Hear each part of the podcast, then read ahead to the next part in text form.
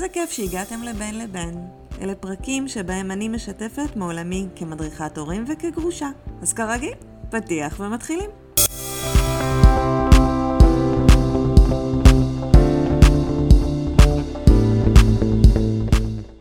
אני לא מאמינה שאנחנו נמצאים כבר חודש אחרי יום שבת הארור הזה, ואנחנו עדיין מחוץ לזמן. אנחנו לא בשגרה, אנחנו לא בחגים, אנחנו גם לא בתוך ההלם הראשוני. זה זמן אחר. אני קוראת לו זמן מחוץ לזמן. אני מרגישה את הצורך בהדרכה הורית, את המצוקה הגדולה של הורים גרושים. חוסר הוודאות גדל. חלק מהיישובים חוזרים למסגרת, חלק לא, חלק למסגרת חלקית. אני יכולה להגיד שכבר אצלנו בראשון, אה, כבר קרה שהדברים אה, השתנו ברגע האחרון. וכמובן, זמנים לחוצים מוציאים מאיתנו תגובות קיצוניות. אני מרגישה שכרגע יש צורך יותר גדול בשיחה על מה שקורה לנו בתוך הבית, ופחות בשיחות עם אנשים כמו שקורה כאן בפודקאסט בדרך כלל. לכן עכשיו יהיו פה הרבה יותר הדרכות, פתרונות ועצות לבעיות שעלו בתוך הבתים. בסוף השבוע האחרון נסעתי לים המלח, להירגע קצת ולהתאפס. הלכתי לעשות עיסוי והמסאג'יסטית אמרה לי, את יודעת, כל מי שמגיע לכאן מגיע כל כך מתוח, כל כך על הקצה, שברגע שאני מפעילה קצת לחץ, הם קופצים מכאב. זה כאילו שאנחנו מסתובבים עכשיו עם העצבים שלנו חשופים. כל נגיעה הכי קטנה מקפיצה אותנו ומקפיצה גבוה. נגיעה מטאפורית כמובן. אם היו מלחמות עם הגרוש או הגרושה פעם, עכשיו הן מחריפות. אנחנו מתפרצים על הילדים שלנו, על המשפחה, על מי שנמצא בסביבה. ולהפך, הילדים מתוחים יותר, קופצניים יותר, פחות משתפים פעולה. היום אני הייתי רוצה לדבר על המתבגרים שלנו, על איך להתנהל מולם בתקופה הזו. בתקופה הזו שהיא מחוץ לזמן. ובמיוחד עכשיו כשאנחנו מבינים שהתקופה הזאת לא הולכת לשום מקום. לפני שאני אתחיל, אני רוצה להזכיר לכולם שאנחנו משפיעים על המתבגרים שלנו, גם כשנראה שלא. אנחנו צריכים כל הזמן לזכור את זה, שלמרות שהם כאילו מתנגדים לנו, כן, למרות שהם מרחיקים אותנו, הם צריכים אותנו. הם צריכים אותנו כדי לדעת איך להגיב, איך להירגע. ושוב, למרות שהם לא מראים את זה, ואצלם זה הכל או כלום. הראייה שלהם היא שחור ולבן. בזמן הזה נדרש מאיתנו להתקרב אליהם גם כשהם דוחים אותנו, וזה קשה ממש, כי בטבעי שלהם הם מתרחקים, זו משימת החיים שלהם כרגע. לראות מי הם בלעדינו, הם צריכים להתרחק כדי לגלות מי הם, אבל עכשיו זה לא תקופה רגילה. הם צריכים אותנו יותר מתמיד. הם צריכים שנראה להם ונלמד אותם התנהלות במצב שהם לא מכירים, והאמת היא שגם אנחנו לא מכירים את המצב הזה, אבל אנחנו צריכים להראות להם איזושהי דרך. הם לא רואים את החברים בבית ספר כמו שצריך. תפיסת המציאות שלהם נוקשה, הם לא תמיד רואים מורכבויות. הם יכולים לשנות את החשיבה שלהם מרגע לרגע. בואו, הם ממש כמונו על רכבת הרים. אז בואו נדבר רגע על מה אנחנו כהורים צריכים לעשות בזמן הזה, מול המתבגרים שלנו. דבר ראשון שאנחנו צריכים לעשות הוא, יישמע טיפה מצחיק. אנחנו צריכים לעשות תיווך של המציאות. עכשיו, מה זאת אומרת לתווך את המציאות לילד מתבגר? כלומר, הם יודעים הכל, לפעמים הם יודעים יותר מאיתנו. הם מתעדכנים בטיק טוק, באינסטגרם, והכי גרוע, והכי גרוע, שהם מתעדכנים בטלגרם. הם מגיעים לטוויטר, או איקס קוראים לזה עכשיו, הם מגיעים לכל מיני פלטפורמות שאנחנו לא, כי הם כל כך מתוכנתים לזה, הם כל כך שוחים בחומר הדיגיטלי הזה. אז בעצם מה יש לנו לתווך להם? אז אנחנו צריכים להיות שם כדי להראות להם את המורכבויות, להראות להם שזה לא שחור ולבן, שיש גוונים שונים, שזה לא או ככה או ככה, יש עוד כמה אפשרויות. אחת הדרכים לעשות את זה, זה לשאול אותם, תגיד, מה אתה חושב? איך אתה מרגיש במצב? אנחנו רוצים לעודד שיח בגובה העיניים, לא אני יודע ואתה לא, אלא שיתוף, שיתוף אמיתי. לבקש מהם לשתף אותנו במחשבות שלהם, ולא לזלזל בזה. נורא נורא חשוב להודות להם על השיתוף, כדי לעודד אותם להמשיך ולשתף אותנו. אנחנו צריכים לעודד אותם לשאול אותנו שאלות, ולענות על השאלות האלה. והשאלות קשות ממש, ולפעמים אין לנו תשובה. אז אני רוצה להגיד לכם שזה בסדר.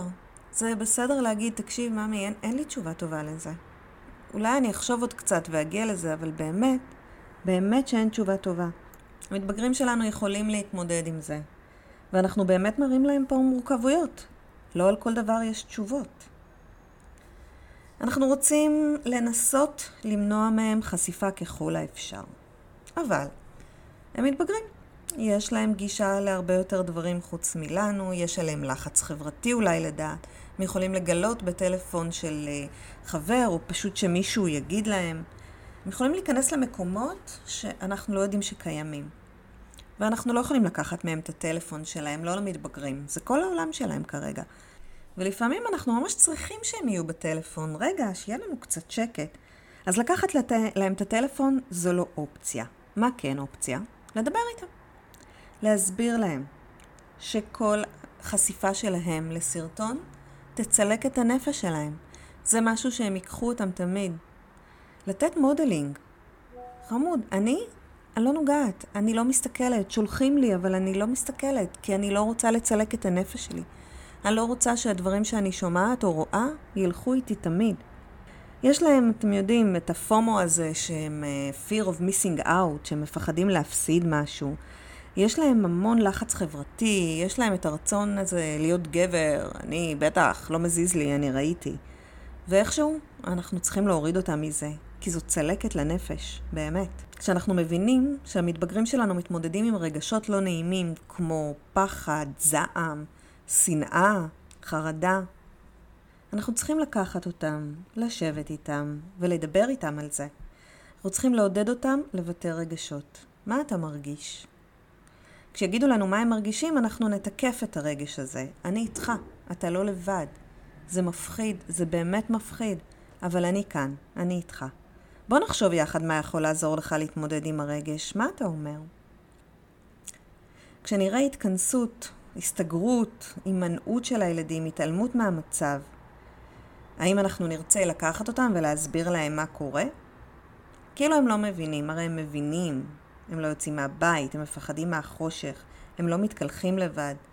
יש מתבגרים שחזרו למיטה של אימא או למיטה של אבא, וכל התגובות האלה הן נורמליות, הן הגיוניות. כל ילד וכל בן אדם מגיב אחרת.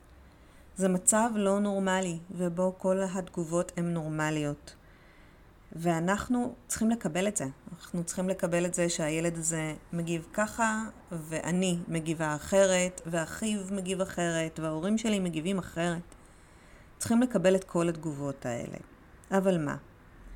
אחת הדרכים שהילדים uh, מתמודדים עם חרדה זה הימנעות. זאת אומרת, הם לא יצאו מהבית בחושך, או שהם לא ילכו לחברים.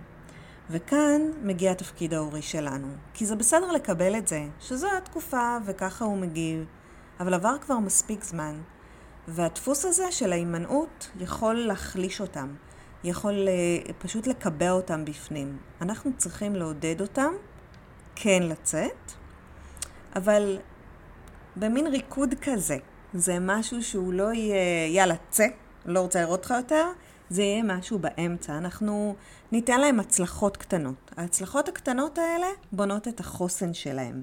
כלומר, אני כן נותנת, אני כן מאפשרת, אבל לא במאה אחוז. האפשור הזה, כמו שאמרתי, מחליש אותם, ואני לא רוצה להנציח מצבים של הימנעות. אנחנו צריכים לאתגר אותם, כדי שיגלו בעצמם את הכוחות שלהם.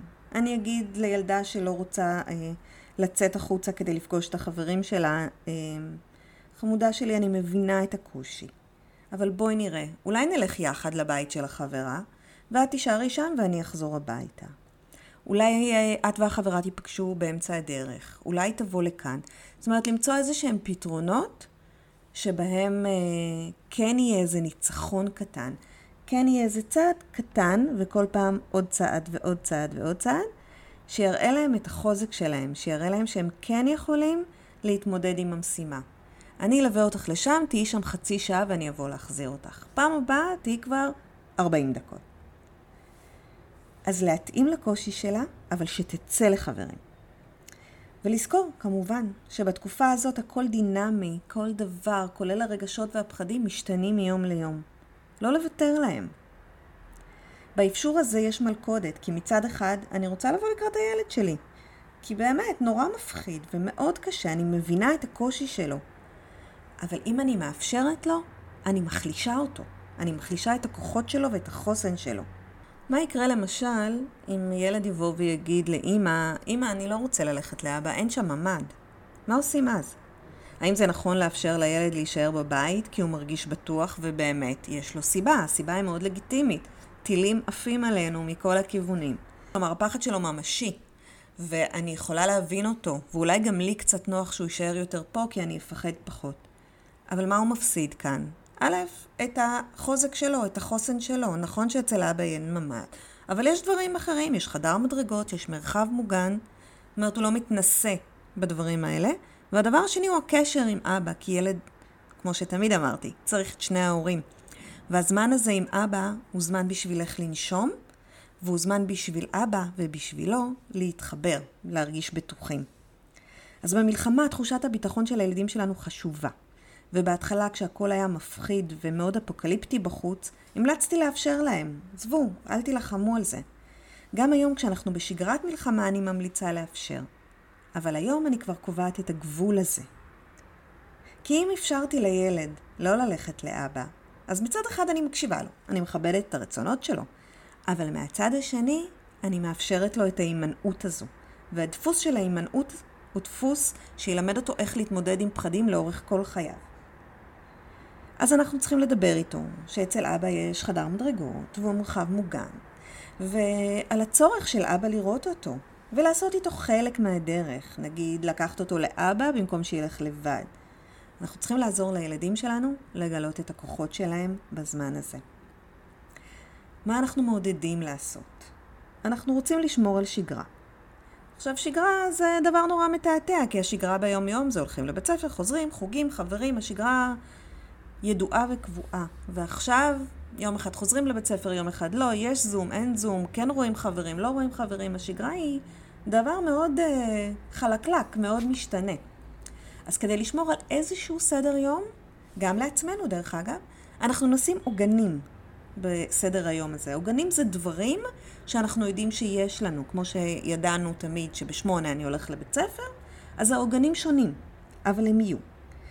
סדר היום יהיה, שינה תמיד תהיה נגיד בשעה מסוימת, התזונה תהיה תזונה שמתאימה ולא רק ג'אנק. אנחנו נעשה פעילות גופנית, נכניס אותה לסדר יום, נגיד כל יום בשעה חמש, אנחנו אה, רוקדים מול המסך, אנחנו עושים אירובי, אנחנו עושים תרגילי בטן. אמ, טראומה היא דבר שנצרב בגוף שלנו. וכשאנחנו עושים איזושהי תנועה, כשאנחנו מתחילים לזוז, אנחנו משחררים את הטראומה. אנחנו גם משחררים המון המון המון המון אה, סוכני בריאות שלנו כאלה. אנחנו משחררים אנדורפינים, אנחנו משחררים כל מיני דברים שעוזרים לנו להרגיש יותר טוב ועוזרים לטראומה להשתחרר מהגוף. אז אל תוותרו על זה. אפילו פעילות גופנית של חמש דקות, תכניסו לתוך סדר היום. ארוחות, יכול להיות להם סדר יום. לא מאמינה שהמתבגרים שלכם באמת ישבו איתכם שלוש פעמים ביום לאכול, אבל אולי רק ארוחת צהריים. אולי אפשר להכניס שביום חמישי כולם רואים סרט עם פופקורן.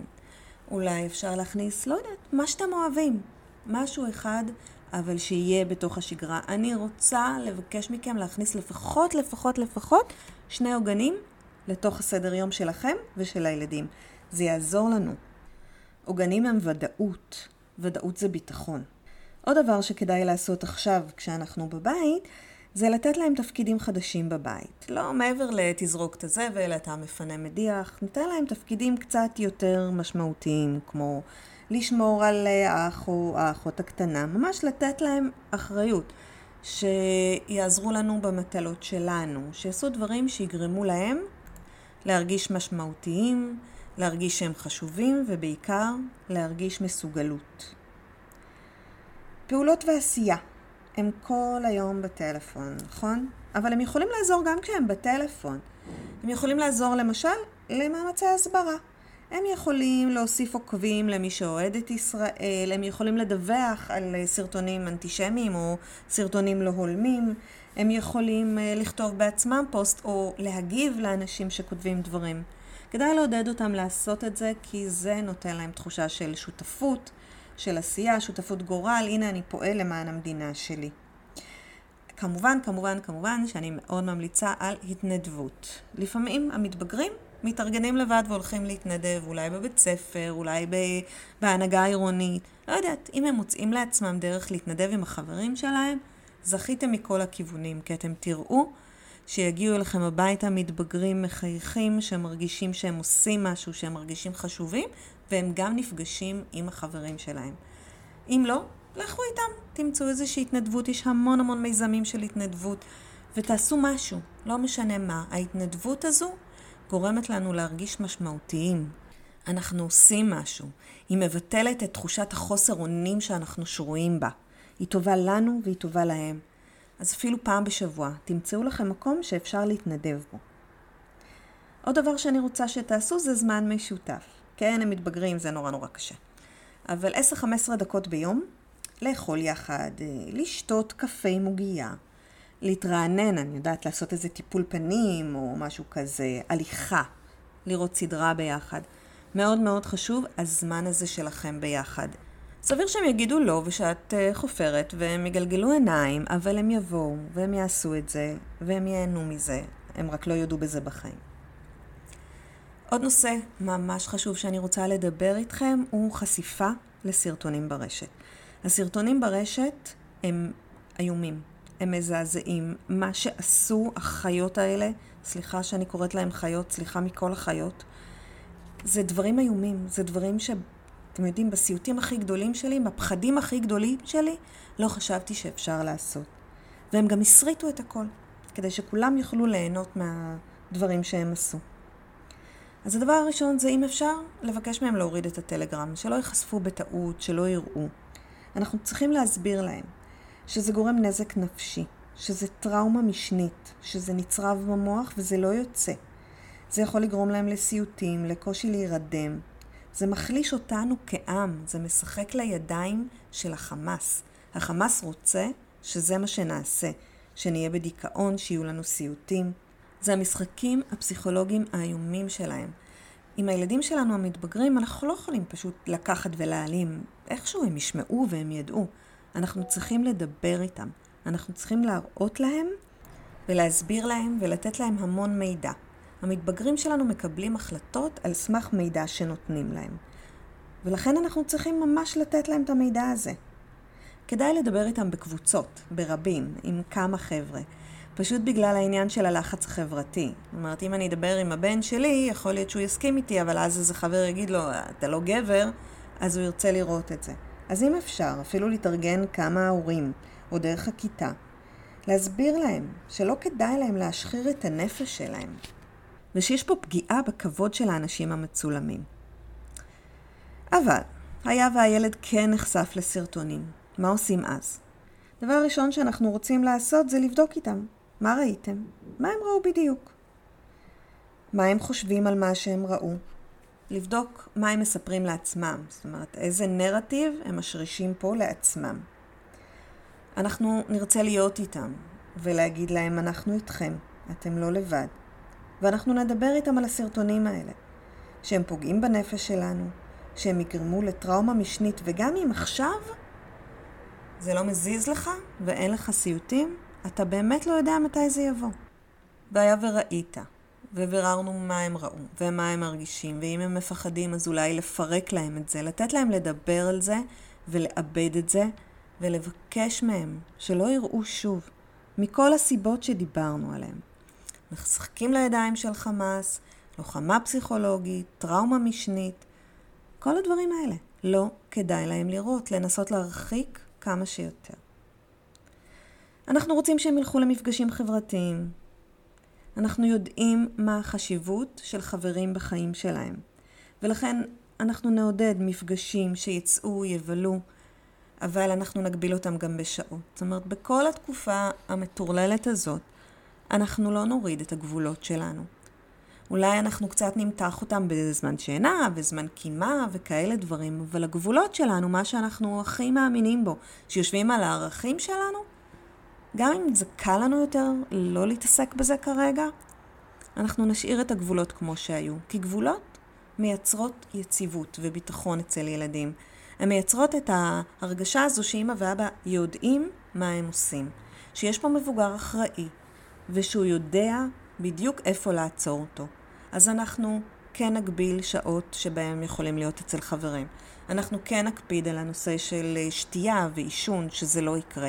אנחנו כן נמשיך ונדבר על, זה, אנחנו כן נקבע את הגבולות. אם למחרת יש בית ספר, אנחנו כן נדע שהם עשו את השיעורים. אם uh, יש דברים, יש אילוצים, הם יעמדו בזה. אנחנו ניתן להם את ההרגשה שאנחנו איתם ואוהבים, ו- ואנחנו נשתמש בהמון מגע. ואחד הדברים שאנחנו הכי שוכחים לעשות זה לחייך. אז אולי ננסה גם לחייך, ואולי לנשום ביחד, ועדיין אנחנו נעמוד על הגבולות שלנו. זהו בינתיים. בתוך כל זה, אני רוצה שנזכור מה התפקיד ההורי שלנו. אנחנו המנהיגים של הבית, אנחנו מורי הדרך. ולכן, מה שאנחנו נעשה, איך שאנחנו נתנהג, מזה הילדים ילמדו.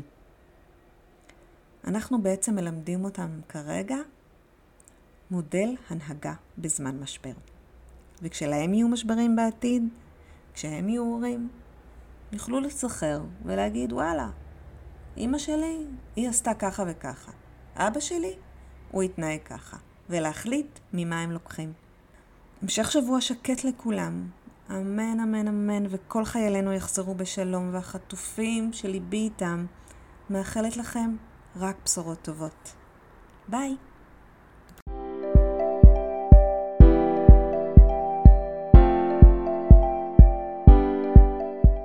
עד כאן הפרק שלנו להיום. תודה שהאזנתם. אם אהבתם את הפרק, או שאתם חושבים שיש מישהו שחייב לשמוע אותו, אשמח שתעבירו או תשתפו אותו, ותעזרו לנו להגיע ליותר מאזינים. אם אתם מרגישים שאתם צריכים עזרה עם הילדים והמשפחה החדשה שבניתם, אם אתם צריכים הכוונה או מרגישים שאתם מאבדים את הילדים, אתם מוזמנים לפנות אליי בוואטסאפ או דרך האתר www.maya.com. באתר גם תמצאו מידע נוסף בכל מיני נושאים. אתם מוזמנים לחפש אותנו בפייסבוק ובאינסטגרם. תוכלו לעקוב אחרינו שם.